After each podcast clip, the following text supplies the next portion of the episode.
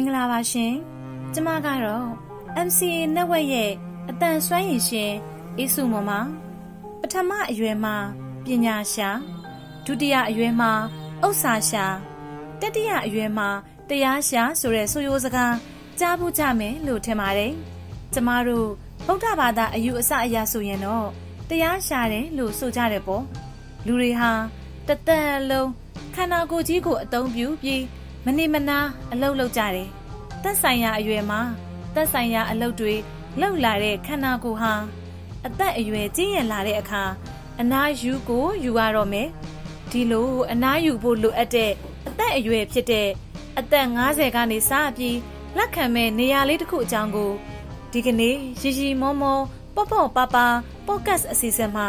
တင်ဆက်ပေးကြပါရရှင်။အဲ့ဒီနေရာလေးကိုဘဝစည်းစာဓမ္မရိပ်သာ ရုပ်ကျမ်းမာရေးစိတ်ကျမ်းမာရေးလေ့ကျင့်ရေးစင်တာလို့ကနဦးနာမည်ပေးထားတယ်ပေါ့နော်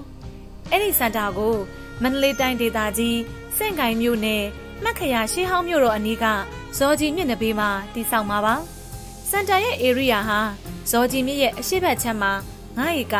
အနောက်ဘက်ခြမ်းမှာ4ဧကပါ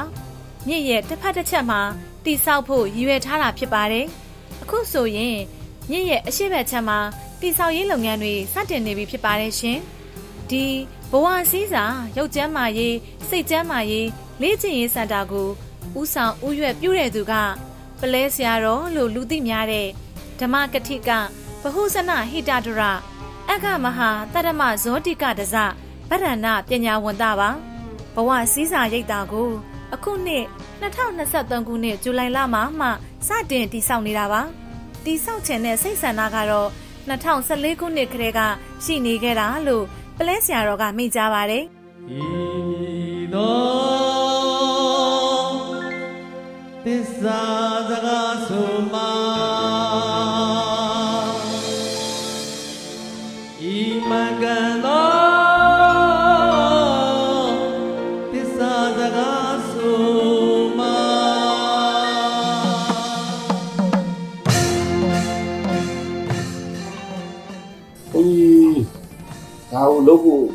ချလုပ်တော့မယ်လို့ဆုံးဖြတ်ရတာကပလဲမြို့မှာတေးမောင်း19500လောက်ကိုနေစေုံဆောက်ခဲ့တယ်ပြီးပြီ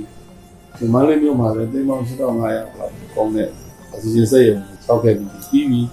အဲ့ဒါကျန်တဲ့တက်တာစီမံကိန်းတစ်ခုတော့လုပ်ခဲ့အောင်ဒီထက်လည်းမလုပ်နိုင်တော့ဘူးမလုပ်နိုင်တော့ဒါကတော့အများကျိုးအတွက်စီမံကိန်းတစ်ခုဒီတက်တည်းပဲလုပ်နိုင်နေသေးတယ်ကျမ်းမာရေးရကိုလည်းအသုံးပစ္စည်းတွေတိတ်မကောင်းဘူးဒါတခုတော့ပြီးနိုင်ခဲ့တယ်ပြီးနိုင်ခဲ့မယ်လို့လည်း ယုံကြည်တဲ့အတွက်လက်ကြံအသက်လက်ကြံအချိန်ပေါ့ဒါလေးကိုလှုပ်ထားပေးခြင်းအားဒီကလူတွေကိုအကျဉ်းပြုတဲ့လောကဓာတ်စရိယကျင့်သုံးတာရောက်တဲ့အတွက်မရှင်းမနေလုံးမလို့ဆုံးဖြတ်လိုက်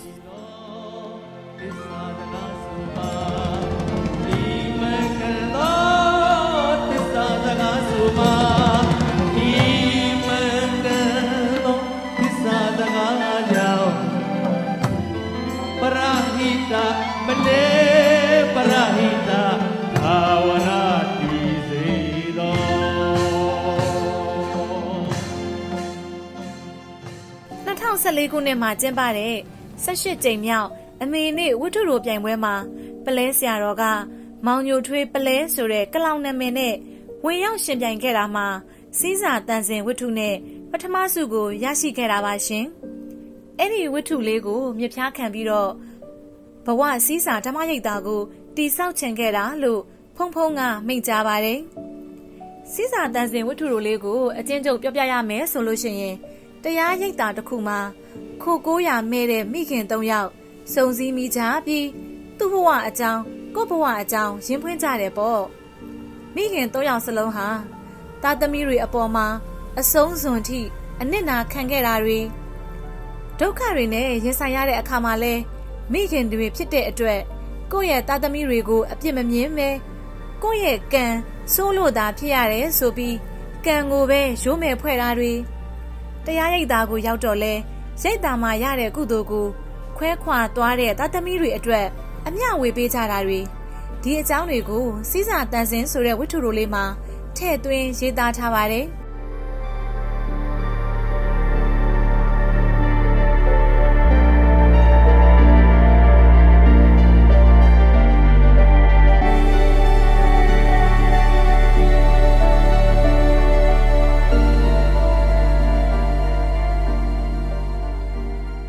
49နှစ်ပြည့်ပြီးတဲ့အသက်50အရွယ်ဆိုတာကခုနကအဖွင့်မှာပြောခဲ့တဲ့တရားရှာရမယ့်အရွယ်ပေါ့ဒီတရားရှာရမယ့်အရွယ်လည်းဖြစ်တယ်ဘဝစည်းစာအရွယ်လို့လည်းပြောလို့ရတယ်ပေါ့နော်ဘဝတစ်ခုရဲ့လက်ကျန်အချိန်တွေကိုဒီဘဝစည်းစာမှာအကျိုးရှိရှိနဲ့ကုံဆုံးနိုင်မှာဖြစ်ပါတယ်ဘလို့အကျိုးရှိသလဲဆိုရင်တော့ရုပ်ကျမ်းမာရေးအတွက်ဆိုရင်ကျမ်းမာရေးလက်ကျင့်ခန်းတွေကိုသင်ကြားပေးမယ်စိတ်ကျမ်းမာရေးအတွက်ကိုတော့ မဟာတတိပဌာနာတုတ်အာနာပါနပပကိုအခြေခံပြီးအေးအေးချမ်းချမ်းနေထိုင်ရှင်သန်နိုင်ဖို့လေ့ကျင့်သင်ကြားပေးမယ်။စောင့်ရှောက်ပေးမယ်။ဘဝစည်းစာကိုရောက်လာတဲ့အခါနေရေးစားရေးစေဝါအားလုံးကိုအခမဲ့ထောက်ပံ့ပေးဖို့လဲစီစဉ်နေတာဖြစ်ပါတယ်ရှင်။ပြေကဘာကြုံမဲ့ပလဲဆရာတော်ရဲ့ပလဲဆရာတော်ရဲ့ပလဲပရဟိ တာဤသူနဲ့အတူအတွေ့နဲ့အကြံတူဤသူစိတ်ထားနဲ့ကြည်ယူလုံးအားကြောင့်ပရဟိတာပလဲပြီးတော့အသက်50ဆိုရင်လူတယောက်ဟာအချိန်မြွေးပေါ့နော်သင်လေးကိုစောင့်နေရတယ်လို့ဖြစ်တယ်ဒီလိုလေးလုပ်ပြီးရင်ရုပ်လဲကျမ်းမာသွားမယ်စိတ်လဲ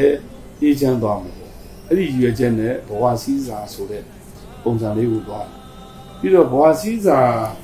ဒီဣရိယာကြီးတစ်ခုလုံးတိဆောက်တဲ့အခါမှာဘာသာရေးပုံရိပ်သိမ့်မပါဘာသာရေးပုံရိပ်သိမ့်မပါဥပမာဓမ္မယုံထဲမှာဆိုဒီဖရာပုံမရှိဘာလို့တော့ဆိုတော့ဟိုခရစ်ယာန်လည်းလာစေချင်တယ်အစ္စလမ်လည်းလာစေချင်ဘာသာပေါင်းဆိုလာစေချင်တယ်ဥပ္ပမှုပိုင်းကိုတိတ်ထုတ်မပြတ်ချင်လေးလာကျင့်သုံး အားထုတ်မှုပိုင်းကိုပြလို့ငင်းချမ်းပြီးအေးချမ်းပြီးအေးမြတဲ့ဘဝလိုရရှိပြီးဆိုတဲ့အခါကျမှဒီအကျိုးတရားတစ်ခုကိုသူ့ကိုပြောပြဆိုင်တယ်အခုအစာအုပ်အားလုံးရဲ့အလယ်မှာဟိုလေးမျက်နှာပြောသွားတော့သူပဲပါတယ်ကျန်တဲ့လူတွေဘလူးလူလက်မခံတော့သူကဘာလို့ပန်းဥယျာဉ်နေလေ့ကျင့်ခွင့်နေအဲ့ဒါတွေနဲ့အဓိကထားသွားတာစိတ်ချမ်းသာပြီးတော့မြစ်ကွေ့မှာဖြစ်တဲ့အတွက်မြစ်ကွေ့မှာရေကတိုင်းရှုတယ်လို့ပေါ့မြစ်ရေကိုတစ်နေ့နှစ်ကြိမ်ရှုရ အဲ့ဒါမှဖြစ်မနေဒီယောဂီရရှုရမှာတခါရှုတနာရှုတာကမြစ်ရေကိုတိုက်ဖြတ်လာတဲ့လေမှတ်စိတ်ကတရားအဲ့တော့အစုပ်ကောင်းမှနှလုံးကောင်းပြီးတော့ဒီနေရာမှာစိုက်မဲ့သစ်ပင်တွေတမပင်တွေအကျော်ပင်တွေအခုလမ်းခုပလန်ချရပြီးလို့ရှိရင်တမပင်စဆိုင်တမပင်ကလည်းအရွှေ့ပြောင်းရခက်တဲ့အတွက်ဒီလမ်းလေးတာရင်မြောက်ဝတီကနေပြီးတော့ပဲကြီးပြီးသားတမပင်တွေကိုဝယ်ဆိုင်ဖို့သူရထားတယ်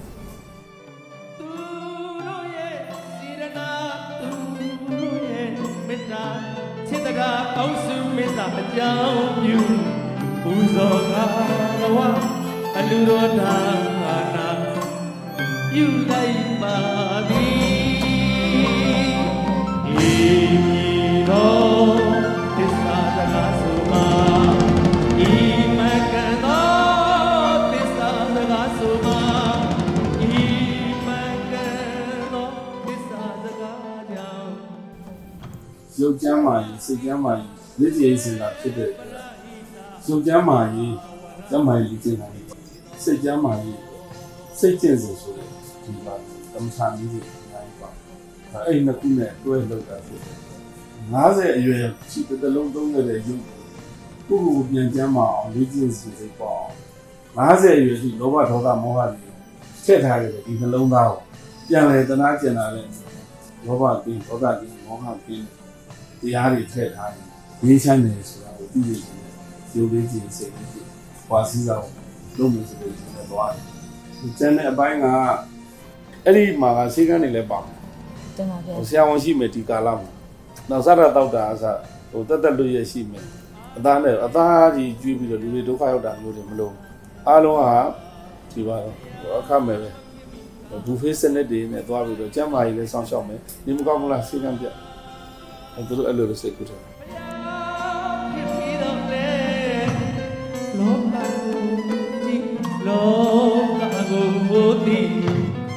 လောကအကျိုးတဲ့ကိုစိတ်မှန်နိဗ္ဗာန်ဝင်စံခဲ့လေတာဘဝစည်းစာဓမ္မဟိတ်တာကိုအမြဲတမ်းဖွင့်မှာတော့မဟုတ်ပါဘူး15ရက်တစ်ချိန်ပဲဖွင့်မှာပါတလကို15ရက်ဖွင့်ပြီးလေ့ကျင့်ပေးမယ်။တစ်ချိန်ဖွင့်ရင်လူ108ဦးကိုသာလက်ခံဖို့စီစဉ်ထားတယ်လို့ပလဲဆရာတော်ကမိန့်ကြားပါတယ်။အားလုံးဟာအခမဲ့ဖြစ်လို့ရက်အကန့်အသတ်နဲ့ ဖွင့်ရတာဖြစ်တယ်လို့လူဦးရေကိုလည်းကန့်သက်လက်ခံဖို့စီစဉ်တာပါရှင်။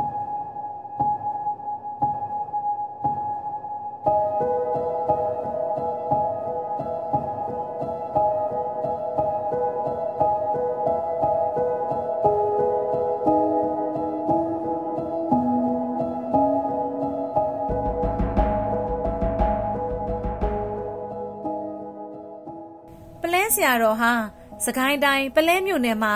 ပလဲမြစ်တာမျက်စိဆေးရုံ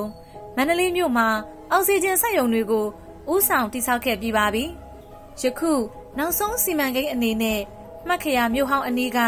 ကြောက်တန်းကြီးရွာရဲ့အနောက်မြောက်ဘက်မှာဘဝစည်းစာဓမ္မရိပ်တာကိုတိစောက်နေတာပါ။စွန်းခံကြိုးပို့ရင်ပြေးဆွဲပေးတာလိုမျိုးတခြားသောပရဟိတအလုပ်တွေအများကြီးကိုလှုပ်ဆောင်ခဲ့လှုပ်ဆောင်နေစေလည်းဖြစ်ပါတယ်။ ရုပ်ကျမ်းမာရေးစိတ်ကျမ်းမာရေးလေ့ကျင့်ရေးစင်တာဟာအခုမှတည်ဆောက်နေစေပါတည်ဆောက်ရေးလုပ်ငန်းတွေဘယ်အချိန်ပြီးစီးမယ်ဆိုတာမခန့်မှန်းနိုင်ပေမဲ့ပလဲဆရာတော်ကတော့ဘဝစည်းစာအရွယ်ရောက်နေသူတိုင်းရုပ်ကျမ်းမာစိတ်ကျမ်းမာစွာနဲ့ရှင်သန်စေခြင်းနဲ့ကုသိုလ်စိတ်အပြည့်နဲ့နှလုံးစိတ်ဝမ်းငြိမ်းချမ်းပြီးလောကကိုအပြုံးနဲ့နှုတ်ဆက်ခါသွားနိုင်စေခြင်းနဲ့ဒီလိုရည်ရွယ်ပြီးမေတ္တာစေတနာအရင်ခံ တိဆောက်နေတာပါရှင်။